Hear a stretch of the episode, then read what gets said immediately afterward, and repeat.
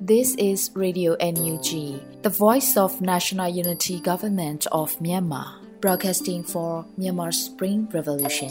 Radio NUG is transmitting from shortwave 16 meter 17.79 MHz at 8:30 a.m. and 25 meter 11.94 MHz at 8:30 p.m. Myanmar Standard Time. မင်္ဂလာပါရှင်။ မြို့သားညီညွတ်ရေးအစိုးရရဲ့အတန်လွှင့်ဌာန Radio NUG ကိုမနက်ပိုင်း၈နာရီခွဲမှာလိုင်းတူ16မီတာ19.89 MHz ညပိုင်း၈နာရီခွဲမှာလိုင်းတူ25မီတာ17.6 MHz တို့မှာဓာတ်ရိုက်ဖမ်းယူနိုင်စေနိုင်ပါရှင်။မင်္ဂလာအပေါင်းနဲ့ပြည့်စုံကြပါစေ။အခုချိန်ကစပြီး Radio NUG အစီအစဉ်လေးကိုဓာတ်ရိုက်အတန်လွှင့်ပေးနေပါပြီရှင်။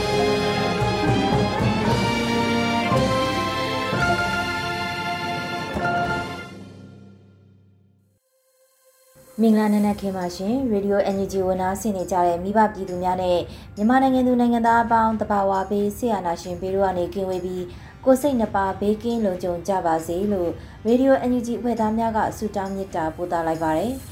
အခုချိန်ကစပြီးစက်တင်ဘာလ6ရက်နေ့ရေဒီယို NUG ရဲ့မနက်ခင်းအစီအစဉ်တွေကိုစတင်ထုတ်လွှင့်ပေးတော့မှာဖြစ်ပါတယ်ပထမအဆုံးအနေနဲ့ပြည်ရင်းသတင်းများကိုတော့ຫນွေဦးမိုင်မှဖတ်ကြားတင်ပြပေးမှာဖြစ်ပါတယ်ရှင်။ မင်္ဂလာပါရှင်အခုချိန်ကစပြီး Radio UNG ရဲ့2023ခုနှစ်စက်တင်ဘာလ6ရက်နေ့မနက်ခင်းပြည်တွင်တင်မြကိုဖတ်ကြားပေးပါရမယ်ကျွန်မကတော့ຫນွေဦးမိုင်ဖြစ်ပါတယ်ရှင်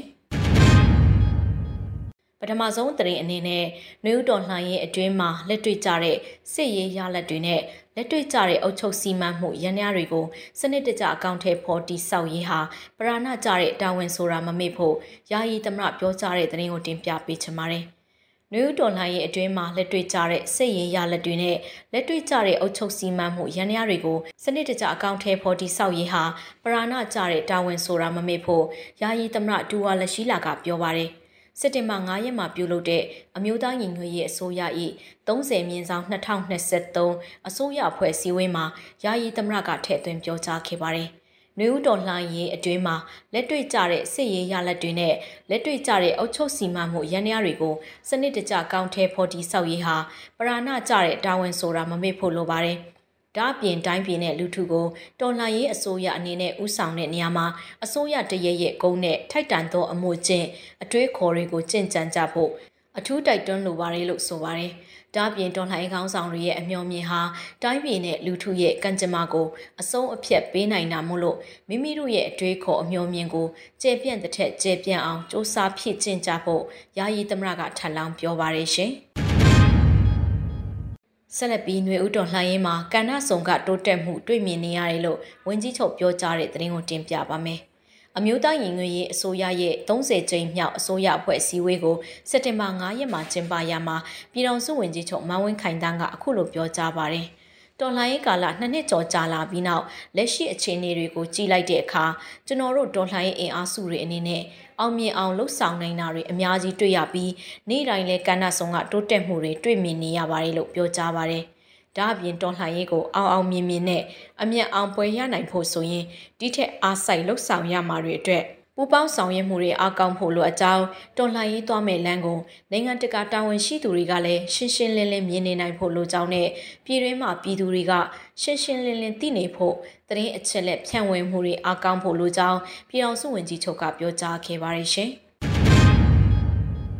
နယူးတော်လှန်ရေးအောင်မြင်ဖို့တဦးချင်းတယောက်ချင်းရဲ့ပါဝင်မှုကအဓိကအရေးကြီးရလို့ပြည်တော်စုဝင်ကြီးဒေါက်တာဇော်ဝေဆိုပြောကြားတဲ့သတင်းကိုဆက်လက်တင်ပြပါမယ်။နယူးတော်လှန်ရေးအောင်မြင်ဖို့တဦးချင်းတယောက်ချင်းရဲ့ပါဝင်မှုကအဓိကအရေးကြီးရလို့ပြည်တော်စုဝင်ကြီးဒေါက်တာဇော်ဝေဆိုပြောကြားလိုက်ပါတယ်။စက်တင်ဘာလအတွင်းပြည်သူ့မှပြည်သူ့တို့စီစဉ်မှာပြည်တော်စုဝင်ကြီးဒေါက်တာဇော်ဝေဆိုကထည့်သွင်းဆိုပါတယ်။တော်လှန်ရေးအောင်မြင်ဖို့စဉ်းစားရခြင်းမှာတဦးချင်းတယောက်ချင်းရဲ့ပါဝင်မှုကအဓိကအရေးကြီးပါတယ်။ တဦးချင်းတဦးချင်းတယောက်ချင်းတယောက်ချင်းတွေရဲ့တံမိုးကအရေးကြီးပါတယ်အခုမြေပြင်မှာဖြစ်နေတာတွေမီဒီယာမှာဖြစ်နေတာတွေအကုန်လုံးကိုကျွန်တော်တို့ကတံပိုးထားပါတယ်ပါဝင်သူအားလုံးဟာလည်းတံပိုးရှိပါတယ်အဲ့တံပိုးတွေဟာကျွန်တော်တို့အနာဂတ်မြန်မာနိုင်ငံအတွက်ရောဒီကနေ့တော်လှန်ရေးအတွက်ရောတကယ်ကိုတန်ဖိုးမဖြတ်နိုင်တာဖြစ်တယ်။ပြည်သူများသည်ဒီကနေ့တော်လှန်ရေးမှာအရေးကြီးသောတန်ဖိုးမဖြတ်နိုင်သောသူများဖြစ်တယ်လို့ဝန်ကြီးကဆိုပါတယ်။ 2021ခုနှစ်ဖေဖော်ဝါရီလ1ရက်စစ်တပ်ကနိုင်ငံတော်အာဏာကိုလူယူပြီးနောက်ပိုင်းစစ်အာဏာရှင်စနစ်စန့်ကျင်ရေးလူထုလှုပ်ရှားမှုနဲ့အတူနှွေဦးတွန်လှန်ရေးဟာပေါ်ပေါက်ခဲ့ပါတယ်ရှင်။2023ခုနှစ်ဩဂတ်လအတွင်းအကြမ်းဖက်စစ်ကောင်စီမှတပ်ဖြတ်ခဲ့သည့်အယက်သားပြည်သူ128ဦးရှိပြီးစကိုင်းတိုင်းနဲ့ပဲခူးတိုင်းမှာအများဆုံးဖြစ်တဲ့သတင်းကိုတင်ပြပါမယ်။ 2023ခုနှစ်ဩဂတ်လအတွင်းအကြမ်းဖက်စစ်ကောင်စီမှတပ်ဖြတ်ခဲ့သည့်အရက်သားပြည်သူ128ဦးရှိပြီးစကိုင်းတိုင်းနဲ့ပဲခူးတိုင်းမှာအများဆုံးဖြစ်တယ်လို့အမျိုးသားညီညွတ်ရေးအစိုးရတရားရေးဝန်ကြီးဌာနကစက်တင်ဘာ9ရက်မှာထုတ်ပြန်ပါတယ်2023ခုနှစ်ဩဂတ်လအတွင်းအကြမ်းဖက်စစ်ကောင်စီမှတပ်ဖြတ်ခဲ့သည့်အရက်သားပြည်သူ128ဦးရှိရာမှာစကိုင်းတိုင်းတွင်တပ်ဖြတ်ခြင်းခံရသူ62ဦးပဲခူးတိုင်းတွင်29ဦးတို့တပ်ဖြတ်ခြင်းခံခဲ့ရပါတယ်။ မတရားဖမ်းဆီးခံရသူစုစုပေါင်း914ဦးရှိပြီးကချင်ပြည်နယ်စကိုင်းတိုင်းမန္တလေးတိုင်းတနင်္သာရီတိုင်းတို့တွင်အယက်သားပြည်သူအများဆုံးဖမ်းဆီးခံခဲ့ရပါတယ်။တရားရေးဝန်ကြီးဌာနတရားဥပဒေစိုးမိုးရေးနဲ့အသွင်ကူးပြောင်းရေးကာလတရားမျှတမှုဆိုင်ရာဦးစီးဌာနသည်စစ်အာဏာသိမ်းမှုဖြစ်စဉ်ကာလအတွင်းစစ်အာဏာရှင်များမှကျူးလွန်နေသည့် စစ်ရာဇဝတ်မှုများလူအခွင့်အရေးချိုးဖောက်မှုများလူမျိုးတုံးတက်ဖြတ်မှုများအများပြည်သူ၏အိုးအိမ်အဆောက်အဦမိရှုဖျက်ဆီးမှုများဥပဒေမြတ်အများပြည်သူတို့၏ပစ္စည်းများအားလူယူသိမ်းယူမှုများပါဝင်ပြည်သူအချင်းချင်းဥပဒေမြတ်ညင်ပန်းနှိပ်စက်အနိုင်ကျင့်မှုများအရရက်သောဥပဒေမြတ်ချိုးဖောက်ကျူးလွန်မှုများစသည်တို့ကိုစရင်ကောက်ယူမှတ်တမ်းများထားရှိပြုစုနေလည်းရှိပါရဲ့ရှင်။ အင်တာနက်ရရှိရေးစီမံကိန်းဆောင်ရွက်မှုအခြေအနေကိုစစ်သွေးရေးတရင်အချက်လက်နဲ့ဤပညာဝန်ကြီးဌာနမှအမျိုးသားညီညွတ်ရေးအစိုးရအဖွဲ့အစည်းအဝေးမှာတင်ပြတဲ့တရင်ကိုတင်ပြပေးပါမယ်။စစ်သွေးရေးတရင်အချက်လက်နဲ့ဤပညာဝန်ကြီးဌာနမှအင်တာနက်ရရှိရေးစီမံကိန်းဆောင်ရွက်မှုအခြေအနေကိုစက်တင်ဘာ9ရက်မှာကျင်းပတဲ့အမျိုးသားညီညွတ်ရေးအစိုးရအဖွဲ့အစည်းအဝေးမှာတင်ပြခဲ့ပါတယ်။ အစည်းအဝေးမှာဆက်သွယ်ရေးတရင်အချက်လက်နဲ့ဤပညာဝန်ကြီးဌာနပြည်တော်စုဝန်ကြီးဦးထင်လင်းအောင်ကအင်တာနက်ရရှိရေးစီမံကိန်းဆောင်ရွက်မှုအခြေအနေတင်ပြဆွေးနွေးခဲ့လို့သိရပါတယ်။အဆိုပါအစိုးရအစည်းအဝေးကိုယာယီသမရဒူဝါလက်ရှိလာပြည်ထောင်စုဝန်ကြီးချုပ်မန်ဝင်းခိုင်တန်းတို့အပါအဝင်ပြည်ထောင်စုဝန်ကြီးတွေဒုဝန်ကြီးတွေတက်ရောက်ခဲ့ကြပါတယ်ရှင်။ ဆက်လက်ပြီးကြားကာလဒေသန္တရပြည်သူ့အုပ်ချုပ်ရေးဖော်ဆောင်မှုဗဟိုကော်မတီနဲ့ရန်ကုန်တိုင်းမြို့နယ်ပြည်သူ့အုပ်ချုပ်ရေးဖွဲ့များတွိတ်ဆုံဆွေးနွေးပွဲကျင်းပတဲ့တဲ့အမျိုးသားရင်ခွေရေးအစိုးရဂျာကာလာဒေသန္တရပြည်သူ့ချုပ်ရေးဖော်ဆောင်မှုဘုတ်ကော်မတီနဲ့ရန်ကုန်တိုင်းမှမြို့နယ်ပြည်သူ့ချုပ်ရေးဖွဲ့များတွိတ်ဆုံဆွေးနွေးပွဲအစည်းအဝေးစက်ခွန်မြင်းဆောင်2023ကိုစက်တင်ဘာ9ရက်နေ့မှာကျင်းပခဲ့ပါတယ်။ အစည်းအဝေး၌ဂျာကာလဒေသန္တရပြည်သူ့ချုပ်ရေးဖော်ဆောင်မှုဗဟိုကော်မတီအတွင်းရေးမှူးအဖွဲ့ဝင်ပြည်တော်စုဝင်ကြီးချုပ်ယုံအတွင်းဝင်မှအဖွဲ့မှစကားပြောကြားခဲ့ပါတယ်။ထို့နောက်ရခင်အပတ်အစည်းအဝေး16မြင်းဆောင်2023၏ရှေ့လုပ်ငန်းစဉ်များကိုရှင်းလင်းပြောကြားခဲ့ပြီးတက်ရောက်လာကြသောမြို့နယ်ပြည်သူ့အုပ်ချုပ်ရေးအဖွဲ့ဝင်များမှမူဝါဒလမ်းညွှန်ချက်များလုပ်ငန်းဆောင်ရွက်ချက်များမြေပြင်အခက်အခဲများနဲ့ပတ်သက်၍ သိရှိလိုသည့်များကိုအပြန်လှန်ဆွေးနွေးခဲ့ပြီးနောက်ကြားကာလဒေသန္တရပြည်သူ့အုပ်ချုပ်ရေးဖော်ဆောင်မှုဗဟိုကော်မတီအတွင်းရေးမှူးအဖွဲ့ဝင်တယန်ဇာရနဲ့တဘာဝပတ်ဝန်းကျင်ထိန်းသိမ်းဝင်ကြီးဌာနဒုတိယဝန်ကြီးဦးခွန်စောဖူးမှညီကုန်းချုပ်စကားပြောကြားခဲ့ပါတယ်အဆိုပါတွေ့ဆုံပွဲသို့ဒုတိယဝန်ကြီးအမြဲတမ်းအတွင်းဝင်များတွဲဖက်အမြဲတမ်းအတွင်းဝင်များဌာနဆိုင်ရာများမှတာဝန်ရှိသူများနဲ့ရန်ကုန်တိုင်းမှမြို့နယ်ပြည်သူ့အုပ်ချုပ်ရေးဖွဲ့ဝင်များတက်ရောက်ခဲ့ကြပါတယ်ရှင်။ ရွှေကိုမြို့နယ်ကြောက်ကြီးကျေးရွာစခန်းသိမ်းတိုက်ပွဲတွင်စစ်ကောင်စီရဲဘော်တအူတိုက်ပွဲတွင်လက်နက်ချအညံခံ၍လွတ်လပ်စွာနေထိုင်ခွင့်နဲ့မိမိသွားလိုသောနေရာသို့ပို့ဆောင်ပေးခဲ့တဲ့တဲ့ရွှေကိုမြို့နယ်ကြောက်ကြီးကျေးရွာစခန်းသိမ်းတိုက်ပွဲတွင်စစ်ကောင်စီရဲဘော်တအူတိုက်ပွဲတွင်လက်နက်ချအညံ့ခံ၍လွတ်လပ်စွာနေထိုင်ခွင့်နဲ့မိမိသွားလိုသောနေရာသို့ပို့ဆောင်ပေးခဲ့လို့စက်တင်ဘာ9ရက်မှာမြို့လှ KPDF ကတရဝင်အသိပေးဆိုပါတယ်။ ရွှေကိုမြို့နယ်ကြောက်ကြီးကျေးရွာအတွင်းအထိုင်တက်ဆွဲထားသောစစ်ကောင်စီတပ်မှ88လက်အောက်ခံတပ် ခလာရ89နဲ့မြို့လှ KPDF တပ်ရင်းတို့တရက်နေတွင်ဖြစ်ပွားခဲ့သောစခန်းသိမ်းတိုက်ပွဲတွင်စစ်ကောင်စီရဲဘော်တအူတိုက်ပွဲတွင်လက်နက်ချအငန့်ခံခဲ့ပါတယ်လို့ဆိုပါတယ်။အဆိုပါစစ်ကောင်စီရဲဘော်ဒုတက်ချက်အဆင့်ရှိသူအားမြို့လှ KPDF ပြည်သူ့ကာကွယ်တပ်ရင်းမှပြည်သူ့ငင်းချမ်းရေးကိုဦးထိပ်ထားလက်ရှိသည့်နဲ့အညီလွတ်လပ်စွာနေထိုင်ခွင့်နဲ့မိမိသွားလိုသောနေရာသို့ပို့ဆောင်ပေးလိုက်ပါတယ်လို့ဆိုပါတယ်။ ဓမ္မနဲ့အဓမ္မကိုခွဲခြားသိမြင်ပြီးအခက်ခဲမျိုးမျိုးကြောင့်ပြည်သူ့ဘက်သို့ခိုလှုံဝင်ရောက်လာရန်စိတ်ဆန္ဒရှိနေသည့်ကြန့်ရှိနေသောစစ်ကောင်စီရဲဘော်များအားမြို့လှ KPDF တပ်ရင်းမှနှွေးထွေးစွာကြိုးဆိုနေမည်ဖြစ်ကြောင်းအသိပေးကြေညာထားပါတယ်ရှင်။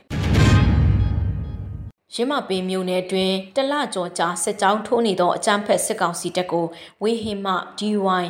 850တိုက်ခိုက်ရေး drone အသုံးပြု၍60မမဘုံတီးနဲ့ နှစ်ကြိမ်ကျဲချတဲ့တဲ့ရင်ရင်းမပင်မြို့နယ်အတွင်းတလကျော်ကြာစစ်ကြောင်းထိုးနေသောအကြမ်းဖက်စစ်ကောင်စီတပ်ကိုဝေဟင်မှ DY 850 တိုက်ခိုက်ရေး drone အသုံးပြု၍60မမဘုံသီးနဲ့နှစ်ကြိမ်ကျေးချခဲ့လို့ ULF မဟာမိတ်တပ်ပေါင်းစုကစက်တင်ဘာ9ရက်မှာတည်ပြုထားပါတယ်။စက်တင်ဘာ၄ရက်မနေ့၈နာရီအချိန်ခန့်ကစီတူတက်ကွင်း၌တဆွဲထားသောအကြမ်းဖက်စစ်ကောင်စီတပ်သည်ပြည်သူပိုင်ပစ္စည်းများကိုခိုးယူရန်နှင့်အကြမ်းဖက်ရန် ရင်းမပင်မြို့နယ်ကြောက်ကုန်းရွာရှိဖုန်ကြီးကျောင်းဝင်းအတွင်းရောက်ရှိနေကြောင်းသိရ၍ဝေဟင်မှ DY 850 တိုက်ခိုက်ရေး drone ဖြင့်60မမဘုံသီးအုံပြုကနှစ်ကြိမ်တိတိ drop ချတိုက်ခိုက်နိုင်ခဲ့လို့ဆိုပါတယ်။အကြမ်းဖက်စစ်ကောင်စီများတရှိရာနေရာကိုနှစ်ကြိမ်စလုံးတိတိကျကျ drop ချတိုက်ခိုက်နိုင်ခဲ့ကစစ်ကောင်စီတပ်များထိခိုက်မှုရှိနိုင်ပြီးစစ်ကောင်စီများတေဆုံးမှုကိုတော့တီးခြားအတိမပြုနိုင်သေးဘူးလို့ဆိုပါတယ်။စစ်စင်ရေးကို ULF တပ်ပေါင်းစု Comrade စစ်ကြောင်းမှ ဗိုလ်မှုတ်စိတ်အဖွဲ့ဗစ်တာငီနောင်ငကားငီနောင် DBTF တို့ပြင်ဒေတာမဟာမိတ်တပ်ဖွဲ့များဖြစ်သည့် NWPDF ရင်းမပင်ခရိုင် Drone Army MTOF အမည်မြေတပ်ရင်း20ခွန် PDA တပ်ရင်း35တို့နဲ့ပူးတွဲမရှင်ဆောင်ရွက်ခဲ့ပါတယ်ရှင်။မုံမြို့နယ်အတွင်းစစ်ကောင်စီတပ်ခမာယ439နဲ့ ခလာရ60တပ်များမှလက်နက်ကြီးအလုံးရေစုစုပေါင်း63လုံးခန့်ပစ်ခတ်ခဲ့ပြီးလေကြောင်းကပါတိုက်ခိုက်တဲ့တဲ့ဝင်နောက်ဆုံးတင်ပြပေးချင်ပါတယ်။မုံမြို့နယ်အတွင်းစစ်ကောင်စီတပ်ခမာယ439နဲ့ခလာရ60တပ်များမှလက်နက်ကြီးအလုံးရေစုစုပေါင်း63လုံးခန့်ပစ်ခတ်ခဲ့ပြီးလေကြောင်းကပါတိုက်ခိုက်မှုတွေလှုပ်ဆောင်ခဲ့လို့စက်တင်ဘာ9ရက်မှာ KNU ဗဟိုကဖြစ်စဉ်ကိုအထီးပြုဖော်ပြပါတယ်။ KNU မူမုံမြို့နယ်အုပ်ချုပ်နယ်မြေအတွင်းအာနာသိန်းအကြံဖက်စစ်ကောင်စီတပ်များနဲ့ကရင်အမျိုးသားလွတ်မြောက်ရေးတပ်မတော် KNLA တပ်မဟာ3လက်အောက်ခံတပ်များအကြား2023ခုနှစ်စက်တင်ဘာလ3ရက်နေ့နနက်10:00နာရီအချိန်မှစပြီး2နာရီကျော်ကြာတိုက်ပွဲဖြစ်ပွားခဲ့ပြီးအာနာသိန်းအကြံဖက်စစ်ကောင်စီတပ်ခမရ439နဲ့ခလာရ60တပ်များမှလက်နက်ကြီးအလုံးရေစုစုပေါင်း63လုံးခန့်ပစ်ခတ်ခဲ့ရာထိုးလက်နက်ကြီးများသည် ဟော်ခိုဝငထွေဆုပ်ရွာဖျားအနားတွင်အလုံး30နဲ့ဝေကော်ရွာတွင်32လုံးကြားရောက်ပောက်ကွဲခဲ့ပါတယ်။ထို့နောက်အာနာသိန်းအကြမ်းဖက်စစ်ကောင်စီတပ်၏လေးတပ်မှ Jet Fighter လေးစင်းဖြင့်ဟော့ခိုဝငထွေဆုပ်ရွာအတွင်းသို့23ကြိမ်တိတိပစ်ခတ်တိုက်ခိုက်ခဲ့သောကြောင့်အပြစ်မဲ့အရက်သားပြည်သူတို့သေဆုံးပြီး6ဦးထိခိုက်ဒဏ်ရာရရှိခဲ့ကနေအိမ်3လုံးပျက်စီးခဲ့ရသည့်အပြင်ရွာပေါင်း9ရွာမှပြည်သူလူထုများလည်းအသက်ဘေးလွတ်ရာသို့ထွက်ပြေးတိမ်းရှောင်ခဲ့ရလို့ဆိုပါတယ်။ ထိုလေကြောင်းတိုက်ခိုက်မှုတွင်စောအေကောထူ45နှစ်ခြေထောက်ထိစောငီနိုင်44နှစ်နော်မနို16နှစ်နော်မနိုရီယာ18နှစ်လက်မောင်းထိစောဝါစီဦးခေါင်းထိစောဂျို48နှစ်တို့ထိခိုက်ဒဏ်ရာရရှိခဲ့ပြီးဆိုလာခူဝ12နှစ်မှာအသက်သေဆုံးခဲ့ရပါတယ်ထို့တူ ဟော့ခိုဝငထွေဆုပ်ကျေးရွာအတွင်းရှိနေအိမ်သုံးလုံးထိမှန်ပြီးအိမ်အတွင်းရှိပစ္စည်းများပါထိခိုက်ပစ္စည်းခဲ့ရသည့်အပြင်ကောက်ခံရရှိသောစည်ရင်များအရမြက်ရည်ကရင်ရွာဟော့ခိုဝငထွေဆုပ်ရွာစေးပလဲရွာမိတ်တလင်ကျေးရွာ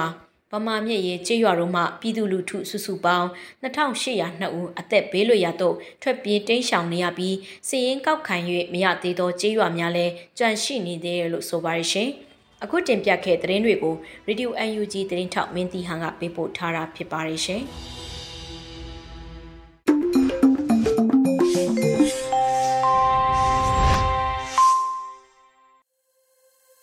ရေဒီယို NUG ကိုနားဆင်နေကြတဲ့မိဘပြည်သူများရှင်အခုတခါမှာတော့ဝင်းမြင့်ရေးသားထားပြီးຫນွေဦးမိုးခန်းစားရွတ်ဖတ်ထားတဲ့အေးစိတ်လေးသုံးလို့အမည်ရတဲ့တော်လန်ရေးကြပြကိုနားဆင်ရမှာဖြစ်ပါတယ်ရှင် အေးစိတ်လေးသုံးဟိုးအဝေးမိုင်တိုင်600ကျော်တောင်တန်းနဲ့မြစ်ကမ်းနှင်းမြူနဲ့လွင်ပြင်အနီးကကျောင်းဆရာမလေးနှင်းတွေပြန်ရောက်လာရင်တစ်သီးတွေအချုပ်ကျဲပြီးဒေတာတစ်ခုလုံးတစ်သီးရောင်တွေဖုံးလို့ပို့တလိုက်တော့တစ်သီးချင်းများလည်းရရှိခဲ့သို့တော့ဒီနှစ်တော့လမ်းပန်းဆက်သွယ်ရေးတွေကကြမ်းကြာလမ်းစရိတ်တွေကကြီးမားလုံးလို့ ဒီလိုတော့ဖြင့်တတကူးတကမပို့စေခြင်းသို့တော့ပို့ခဲ့ပြီးသောတတိများကဒီနှစ်အထိချုံမိန်ပြီးတောက်ပရှွန်းဆိုသောတတိအယောင်များကဒီနေ့အထိဝင်းဝါမွှေးကျူစေနေထိုင်ကောင်းရှင်သန်နေတာကိုပဲပြန်လဲတွေ့ရလို့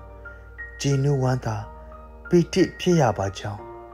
မိုးတွေမဆဲခင်တတိရမိပါရဲ့ကျောင်းဆရာမလေးဝင်းမြင့်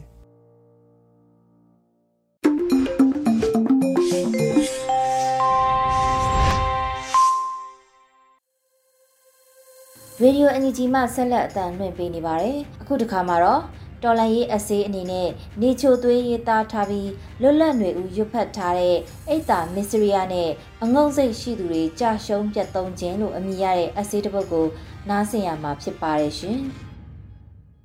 အိတ်တာမစ္စရိယနဲ့အငုံစိတ်ရှိသူတွေကြာဆုံးပြတ်သုံးခြင်းအငုံစိတ်ဘဲကစတယ်လဲဆိုရင်ကိုယ့်ထက်သာမနာလိုမှုကနေစဖြစ်လာတယ် အငုံစိတ်ရဲ့သဘောတဘာဝကသူတစ်ပါးရဲ့အောင်မြင်မှုတွေနဲ့တရားနိလန်းကြကြကြီးပွားအောင်မြင်နေတာတွေကိုမြင်ရတွေ့ရတဲ့အခါမျိုးမှာမုဒိတာပွားစိတ်ပျောက်သွားပြီးရှားကြံအပြစ်မြင်အပြစ်တင်လာတတ်ကြတယ်။အငုံစိတ်တွေလွန်ကဲလာတာနဲ့အမျှစိတ်ကိုမထိန်ချုပ်နိုင်သူတွေဟာမကောင်းတဲ့ဘက်ကိုပိုရောက်ပိုပြုတ်မှုလာတတ်ကြပြီးတင့်ဤမတင့်ဤဝေဖန်ပိုင်းခြားမဆုံးဖြတ်နိုင်တော့ပဲမတရားမှုတွေကိုပြုမှုလာကြတော့တာပါပဲ။ သူတစ်ပါးအောင်မြင်မှုကိုမနာလိုဖြစ်လာသလိုတစ်ဖက်မှာလည်းသူလိုငါမဖြစ်ရလေခြင်းဆိုတဲ့စိတ်သိငယ်မှုအထွတ်အထိပ်ရောက်တဲ့အခါဒေါသနဲ့ရှင်ပြီးတစ်ဖက်လူရရှိထားသလိုရအောင်တရားတာကောမတရားတာကောနားမလဲဘူးဘယ်လိုနည်းနဲ့ဖြစ်ဖြစ်ရအောင်ပြုမှုလှုပ်ဆောင်လာကြတော့တာပါပဲလက်ဝယ်ရတဲ့အခါငါတကောနဲ့ထောင်လွှမ်းမောက်မှရင်ဘဝင်ယူတတ်ကြတယ်လူတိုင်းမှာအငုတ်စိတ် inferiority complex နဲ့ဘဝင်စိတ် superiority complex ဆိုတာရှိတတ်တယ်ဩစတြေးလျနိုင်ငံသားစိတ်ပညာဆရာကြီး Alfred Adela ကအငုံစိတ်အားကြီးသူဟာကြောက်စရာအကောင်းဆုံးလူလို့ပြောဆိုခဲ့ပါတယ်။အငုံစိတ်ကတိမ်ငယ်စိတ်တစ်မျိုးပါပဲ။တခြားသူကိုတွားကြည့်တွားရှင်ငါဟာသူ့လောက်မဟုတ်ပါလားဆိုတဲ့နှိုင်းရှင်မှုနဲ့မသိစိတ်ကနေစိတ်အားငယ်နေတဲ့တိမ်ငယ်စိတ်နဲ့ရှင်တဲ့ဖြစ်လာတဲ့ဒေါသစိတ်တစ်မျိုးပါပဲ။ဘဝင်စိတ်ကတော့အဲ့ဒီစိတ်နဲ့ဆန့်ကျင်ဘက် အရာအလုံးငါသိငါတတ်ငါတော်ငါဆရာကြီးလို့ထင်မြင်ပြီးယုံကြည်မှုလွန်ကဲစိတ်တစ်မျိုးပါပဲလူတိုင်းလူလူမှာဒီအစွန်းနှစ်ဖက်စိတ်နှစ်ခုကကိန်းအောင်နေကြပြီးသားအဲ့ဒီအစွန်းနှစ်ဖက်စိတ်ကနေလွတ်တဲ့စိတ်ကိုထားတတ်ဖို့လိုအပ်တယ်အစွန်းရောက်မှုတွေကနေလွတ်ကင်းတဲ့မစ္စည်းမပฏิပဒါဆိုတဲ့စကားလုံးဗုဒ္ဓဘာသာကိုးကွယ်သူလူတိုင်းနဲ့ဘာသာရေးတိမိခောက်မိရှိတဲ့လူတွေအနေနဲ့မစ္စည်းမပฏิပဒါဆိုတဲ့ပါဠိစကားလုံးအသုံးနဲ့ စိတ်ပြုမှုကြင်ကြံပုံလမ်းစဉ်အကြောင်းသိကြမှာပါမစ္စည်းမပฏิပဒါဆိုတာအစ္ဆတအစွန်းနဲ့ဗဟိတအစွန်းမှလွတ်တာကိုလည်းဆိုလိုတယ်မစ္စည်းမပฏิပဒါအကြောင်းကိုကျွန်တော်သိတဲ့လောက်ထိအကျယ်တဝင့်မရှင်းပြမရေးပြတော့ပါဘူးစာရေးဆရာကြီးဥရွှေအောင်ရေးထားတဲ့အတ္တဝါဒမှာအနတ္တဝါဒတို့ခရီးစဉ်စာအုပ်ကိုဖတ်ကြည့်ပါအဲ့ဒီစာအုပ်ဖတ်ရင်ကိုပဲအခြေခံသဘောလောက်တော့တည်တည်ချာချာသိလာမှာပါကျွန်တော်အနေနဲ့ကတော့ ဗုဒ္ဓရဲ့လမ်းစဉ်တန်တရာမှလွတ်ကင်းရာနိဗ္ဗာန်ထိအောင်မမျော်မှန်းမကြင်ကြံနိုင်ပေမဲ့လူဘဝကျင်လည်တဲ့အခါမှာလူတော်မဖြစ်ခြင်းနေလူယုံမှမဖြစ်ဖို့အရေးကြီးပြီးဘာသာရေးအဆုံးအမအတိုင်းလိုက်နာနိုင်သမျှလိုက်နာပြုမှုနေထိုင်တာပါပဲဗုဒ္ဓဟောကြားခဲ့တဲ့ဘာသာအယူဝါဒဘက်မနှွယ်ပဲ philosophy ဘက်နှွယ်ပြီးရည်ရွယ်ပြောရရင်လူတွေမှာအငုတ်စိတ်အားကြီးရာကနေစိတ်ရုပ်ဝင်လာတဲ့အခါအိတ်တာနဲ့မစ္စရိယစိတ်ဖြစ်လာပါတယ် အိတ်တာဆိုတဲ့စကားလုံးကဘယ်လိုအတိတ်ပဲရှိသလဲမစ္စရိယဆိုတဲ့စကားလုံးကဘယ်လိုအတိတ်ပဲရှိသလဲဒီစကားလုံးနှလုံးနဲ့ပတ်သက်ပြီးဗုဒ္ဓဟောကြားခဲ့တဲ့အပိဓမ္မာပိဋကပုဂ္ဂလပညာပါဠိတော်မှာဖွင့်ဆိုထားချက်ကိုအနည်းဆက်ဆုံးမြန်မာပြန်ဖော်ပြရရင်အိတ်တာဆိုဒီမှာညူစုခြင်းစောင်းမြောင်းခြင်းဖြစ်တယ်သူတစ်ပါးကောင်းစားတာကိုမနာလိုခြင်းဝန်းမမြောက်နိုင်ခြင်းမချိတ်မွန်နိုင်ခြင်းအကောင်းမပြောနိုင်ခြင်းမကောင်းပြောရန်ကိုသာရှာကြံခြင်းကိုဆိုလိုတယ် မစ္စရိယဆိုတဲ့အတိတ်ပဲမှာမိမိကောင်းစားသလိုသူတစ်ပါးကိုမကောင်းစားစေခြင်းသူတစ်ပါးကောင်းစားတာကိုမနာလိုခြင်းဝန်တိုခြင်းနှမျောစေနေခြင်းတို့ဖြစ်တယ်ဗုဒ္ဓဟောကြားတဲ့ဘာသာအယူဝါဒထဲကမစ္စရိယစိတ်အကြောင်းစိတ်ပညာသဘောတရားနဲ့ချင်းကပ်ကြည့်ရရင်ပါဠိလိုကတော့အာဝါသမစ္စရိယကုလမစ္စရိယလာဘမစ္စရိယဝနမစ္စရိယဓမ္မမစ္စရိယဆိုပြီးတော့မစ္စရိယ၅မျိုးရှိတယ်လို့ဆိုထားတယ် ကိုရနေတဲ့နေရာမှာသူများလာနေရနေရင်မကြိုက်တာကိုနဲ့ပေါင်းတင်တဲ့ပုံကိုတယောက်ကိုလာပြီးတော့မိတ်ဆွေဖွဲ့မှာကိုမိတ်ဆွေသူ့မိတ်ဆွေလာလို့မှမကြိုက်တာကိုရတာမျိုးတခြားသူကိုမရစေချင်တာကြော်ကြားမှုနဲ့ပတ်သက်လာလို့ရှိရင်ကိုပဲထင်ပေါ်ကြော်ကြားခြင်းပြီးတခြားသူကိုမထင်ပေါ်မကြော်ကြားစေချင်တာကိုသိတဲ့တရားကိုသူများမပေးသိစေချင်တာကိုသိတဲ့ဘ ഹു တုတတွေကိုတခြားသူကိုမသိစေချင်တာသူတယောက်တည်းပဲတကယ့်ကိုဆရာကြီးလုပ်ချင်တာတလောကလုံးသူသိသူတက် လူတက်ကြီးလုပ်ပြီးနေချင်တာအဲ့ဒါမျိုးစိတ်ရှိသူကိုမစ္စရိယစိတ်ရှိသူလို့အကြမ်းဖြင့်ကောက်ချက်ချနိုင်ပါတယ်။အိတ်သားနဲ့မစ္စရိယစိတ်ရှိသူတွေအနေနဲ့ကောက်ကျစ်ဆင်းလဲခြင်းကိုလည်းပြုမှုတတ်ကြပါတယ်။အမှန်ကိုအမှားလုပ်ပြီးပြုမှုပြောဆိုတတ်တယ်။မှားမှန်တိတိကြီးနဲ့အမှားကိုဝန်ခံရမှာမလိုလားတဲ့အတ္တစိတ်လွန်ကဲတတ်ကြတယ်။အိတ်သားနဲ့မစ္စရိယစိတ်အားကြီးသူတွေနေရာတစ်ခုမှာအထွတ်အထိပ်ရောက်ရင်ရောက်တဲ့လောက်အတိုင်းအတာအထိအဲ့ဒီပတ်ဝန်းကျင်နေရာဒေသပျက်စီးရတော့တာပါပဲ ဂျာမနီနိုင်ငံမှာဟစ်တလာအထွတ်ထိပ်ရောက်တဲ့အခါသူ့ရဲ့အငုံစိတ်ကြောင့်ဂျူးလူမျိုးတန်းပေါင်းများစွာတေချေပျက်စီးခြင်းစိုက်ကုန်တယ်အလိုလောဘနဲ့အိတ်သာမစ္စရိယစိတ်အားကြီးတဲ့ဟစ်တလာကြောင့်စစ်ကြီးဖြစ်ပြီးကမ္ဘာနိုင်ငံအတော်များများပျက်စီးခြင်းစိုက်ခဲ့တာညီတို့ပင်တကူအာနာကြီးခဲ့ပါစေနောက်ဆုံးမှာဟစ်တလာကြဆုံးပြီးအသေးဆိုးနဲ့သေဆုံးခဲ့တာပါပဲအဓမ္မနဲ့ဓမ္မမှာဓမ္မတရားသာအောင်နိုင်ရာမတရားမှုနဲ့တရားမှုတွေမှာတရားသဖြင့်တွေသာ အောင်ပွဲရတာပါပဲယခုမြန်မာနိုင်ငံမှာဖြစ်ပျက်နေတဲ့အခြေအနေတွေကတော့လက်နက်ကိုင်းစစ်တပ်ကပြည်သူရွေးကောက်တင်မြှောက်ထားတဲ့အယက်သားအစိုးရကိုဖမ်းဆီးထောင်ချတာကစတင်တာပါပဲအငုတ်စိတ်အားကြီးရာကနေစတင်လာတဲ့နိုင်ငံတော်အာဏာကိုမတရားသဖြင့်ရယူလိုမှုတွေအိတ်သားမစ္စရိယစိတ်နဲ့အငုတ်စိတ်အားကြီးသူတွေကနိုင်ငံတနိုင်ငံရဲ့လက်နက်ကိုင်စစ်တပ်မှာထိပ်ပိုင်းခေါင်းဆောင်နေရာတွေရှိနေတဲ့အတွက်အဲ့ဒီနိုင်ငံရဲ့တိုင်းသူပြည်သားတွေခမညာ ဒုက္ခဆင်းရဲခြင်းကြီးစွာ တွေ့ကြုံနေကြပါတယ်။တိုင်းပြည်ကိုမတရားသဖြင့်အုပ်ချုပ်ခြင်းနေတဲ့အကြမ်းဖက်စစ်တပ်ရဲ့ထိပ်ပိုင်းခေါင်းဆောင်တွေနဲ့ခိုင်းသမျှကိုတရားမှုမတရားမှုဆိုတဲ့လူအခြေခံအသိတော်မရှိတော့တဲ့အကြမ်းဖက်စစ်တပ်ကိုစန့်ကျင်တော်လှန်နေတဲ့တရားတော်စစ်ဖြစ်လာနေပါပြီ။အဓမ္မနဲ့ဓမ္မမှာဓမ္မတရားသာအောင်နိုင်ရာမတရားမှုနဲ့တရားမှုတွေမှာတရားသဖြင့်တွေသာအောင်ပွဲရမှာပါပဲ။နေချိုသွေး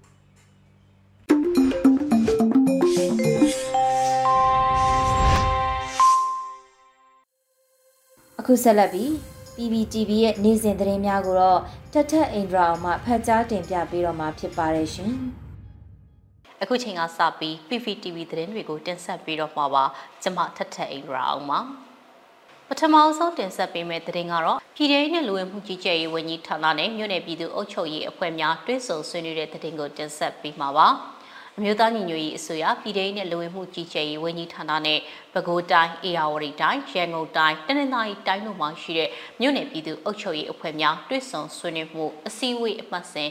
19မြင်းဆောင်2023ကိုစက်တင်ဘာလ4ရက်မနက်10:00နာရီမှာပြုလုပ်ပါတယ်။အစည်းအဝေးမှာပြည်ထောင်နဲ့လူဝင်မှုကြီးကြပ်ရေးဝန်ကြီးဌာနတွဲပတ်အမြဲအတွင်းဝင်ရဲ့ဆွေးနွေးမှုနဲ့စတင်ခဲ့ပါတယ်။ ဆက်လက်ပြီးမြို့နယ်ပြည်သူ့အုပ်ချုပ်ရေးအဖွဲ့ဝင်တွေကမူဝါဒလမ်းညွှန်ချက်များမြေပြင်အုပ်ချုပ်ရေးဆောင်ရွက်နေမှုများကြုံတွေ့နေရတဲ့အခက်အခဲများကိုမေးမြန်းဆွေးနွေးရမှာဝန်ကြီးဌာနတာဝန်ရှိသူတွေကပြန်လည်ဖြေကြားခဲ့ပါတယ်။အစည်းအဝေးကိုတွဲဖက်အမြဲတမ်းအတွင်းဝန်ပြည်သူ့အုပ်ချုပ်ရေးဦးစီးဌာနပြည်သူ့ရဲတပ်ဖွဲ့မိသက်ဦးစီးဌာနလူဝင်မှုကြီးကြပ်ရေးဦးစီးဌာနအထူးဆောင်ဆန်းထောင်လိုင်းရေးဦးစီးဌာနတို့ကတာဝန်ရှိသူများပဲခူးတိုင်းအေရဝတီတိုင်းရန်ကုန်တိုင်း တနင်္သာရီတိုင်းရှိမြို့နယ်ပြည်သူ့အုပ်ချုပ်ရေးအဖွဲ့ဝင်များတက်ရောက်ခဲ့ကြတယ်လို့သတင်းထုတ်ပြန်ထားပါတယ်။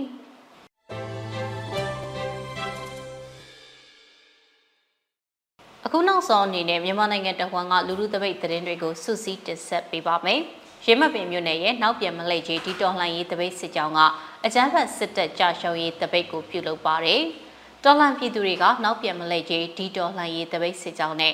တို့တရုတ်အစိုးရဖက်စစ်တပ်နဲ့ပေါက်ပြီးမြန်မာပြည်သူတွေကိုတတ်နေတာချက်ချင်းရဲ့ကျင်းနီတတူတွေအကြောင်းပြုလူသက်ပွဲတွေလုပ်နေတာချက်ချင်းရဲ့ဆိုတဲ့အစသားကိုကိုင်ဆောင်ပြီးတော့အကြမ်းဖက်စစ်တပ်ကြာရှုံးရေးဟစ်ကြွေးမှုတွေပြုလုပ်ခဲ့တာပါ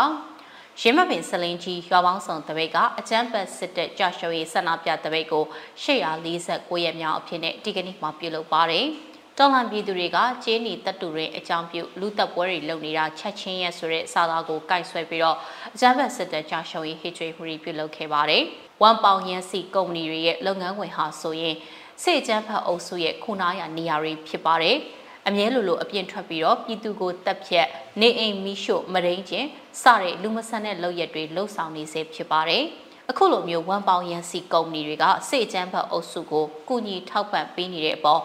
ပြည်သူတွေကလက်မခံကြောင်းတပိတ်မှောက်ဆန္ဒပြခဲ့ကြပါတယ်လို့တပိတ်ကော်မတီဝင်တဦးကပြောပါတယ်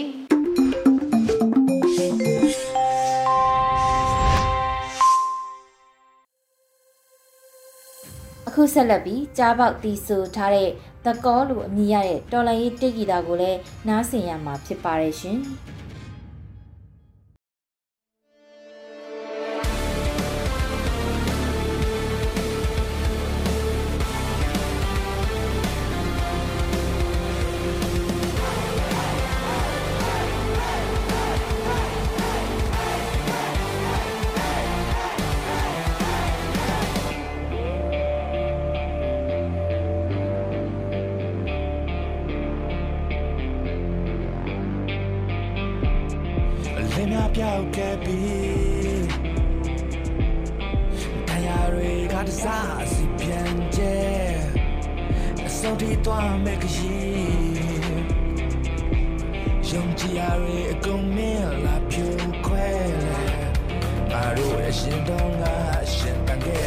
ဆွဲများပြန်ရလို့ရနိုင်ရမယ်လုံးဝမလို့စတဲ့ယုံကြည်ထားတဲ့ဒီကြောင့်တရားတီတွေတူထားကြဒီရှိကိုရောက်လာခဲ့ပြီငါတို့ရဲ့အလေအဖေငါတို့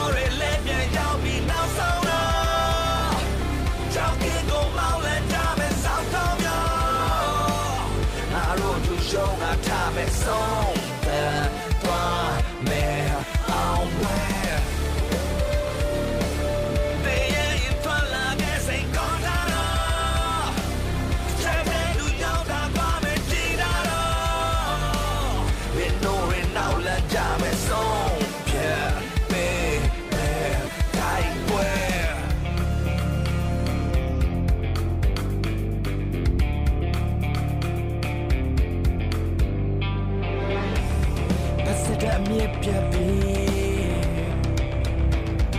တကောင်မတီးရင်စင်ကပြိုလဲ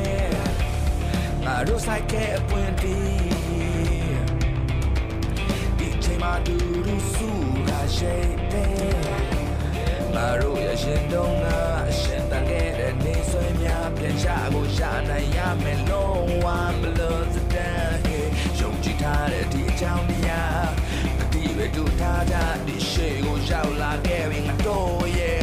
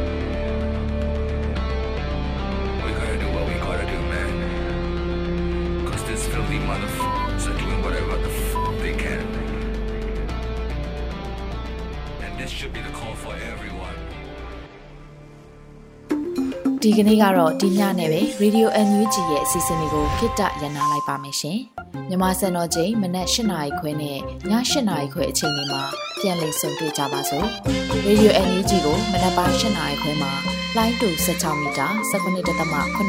MHz ညပိုင်း၈နာရီခွဲမှာလိုင်းတူ25မီတာ17.6 MHz တို့မှာဓာတ်ရိုက်ဖမ်းလို့နိုင်စေနိုင်ပါပြီ။ မြန်မာနိုင်ငံသူနိုင်ငံသားတွေကိုစိတ်နှပြ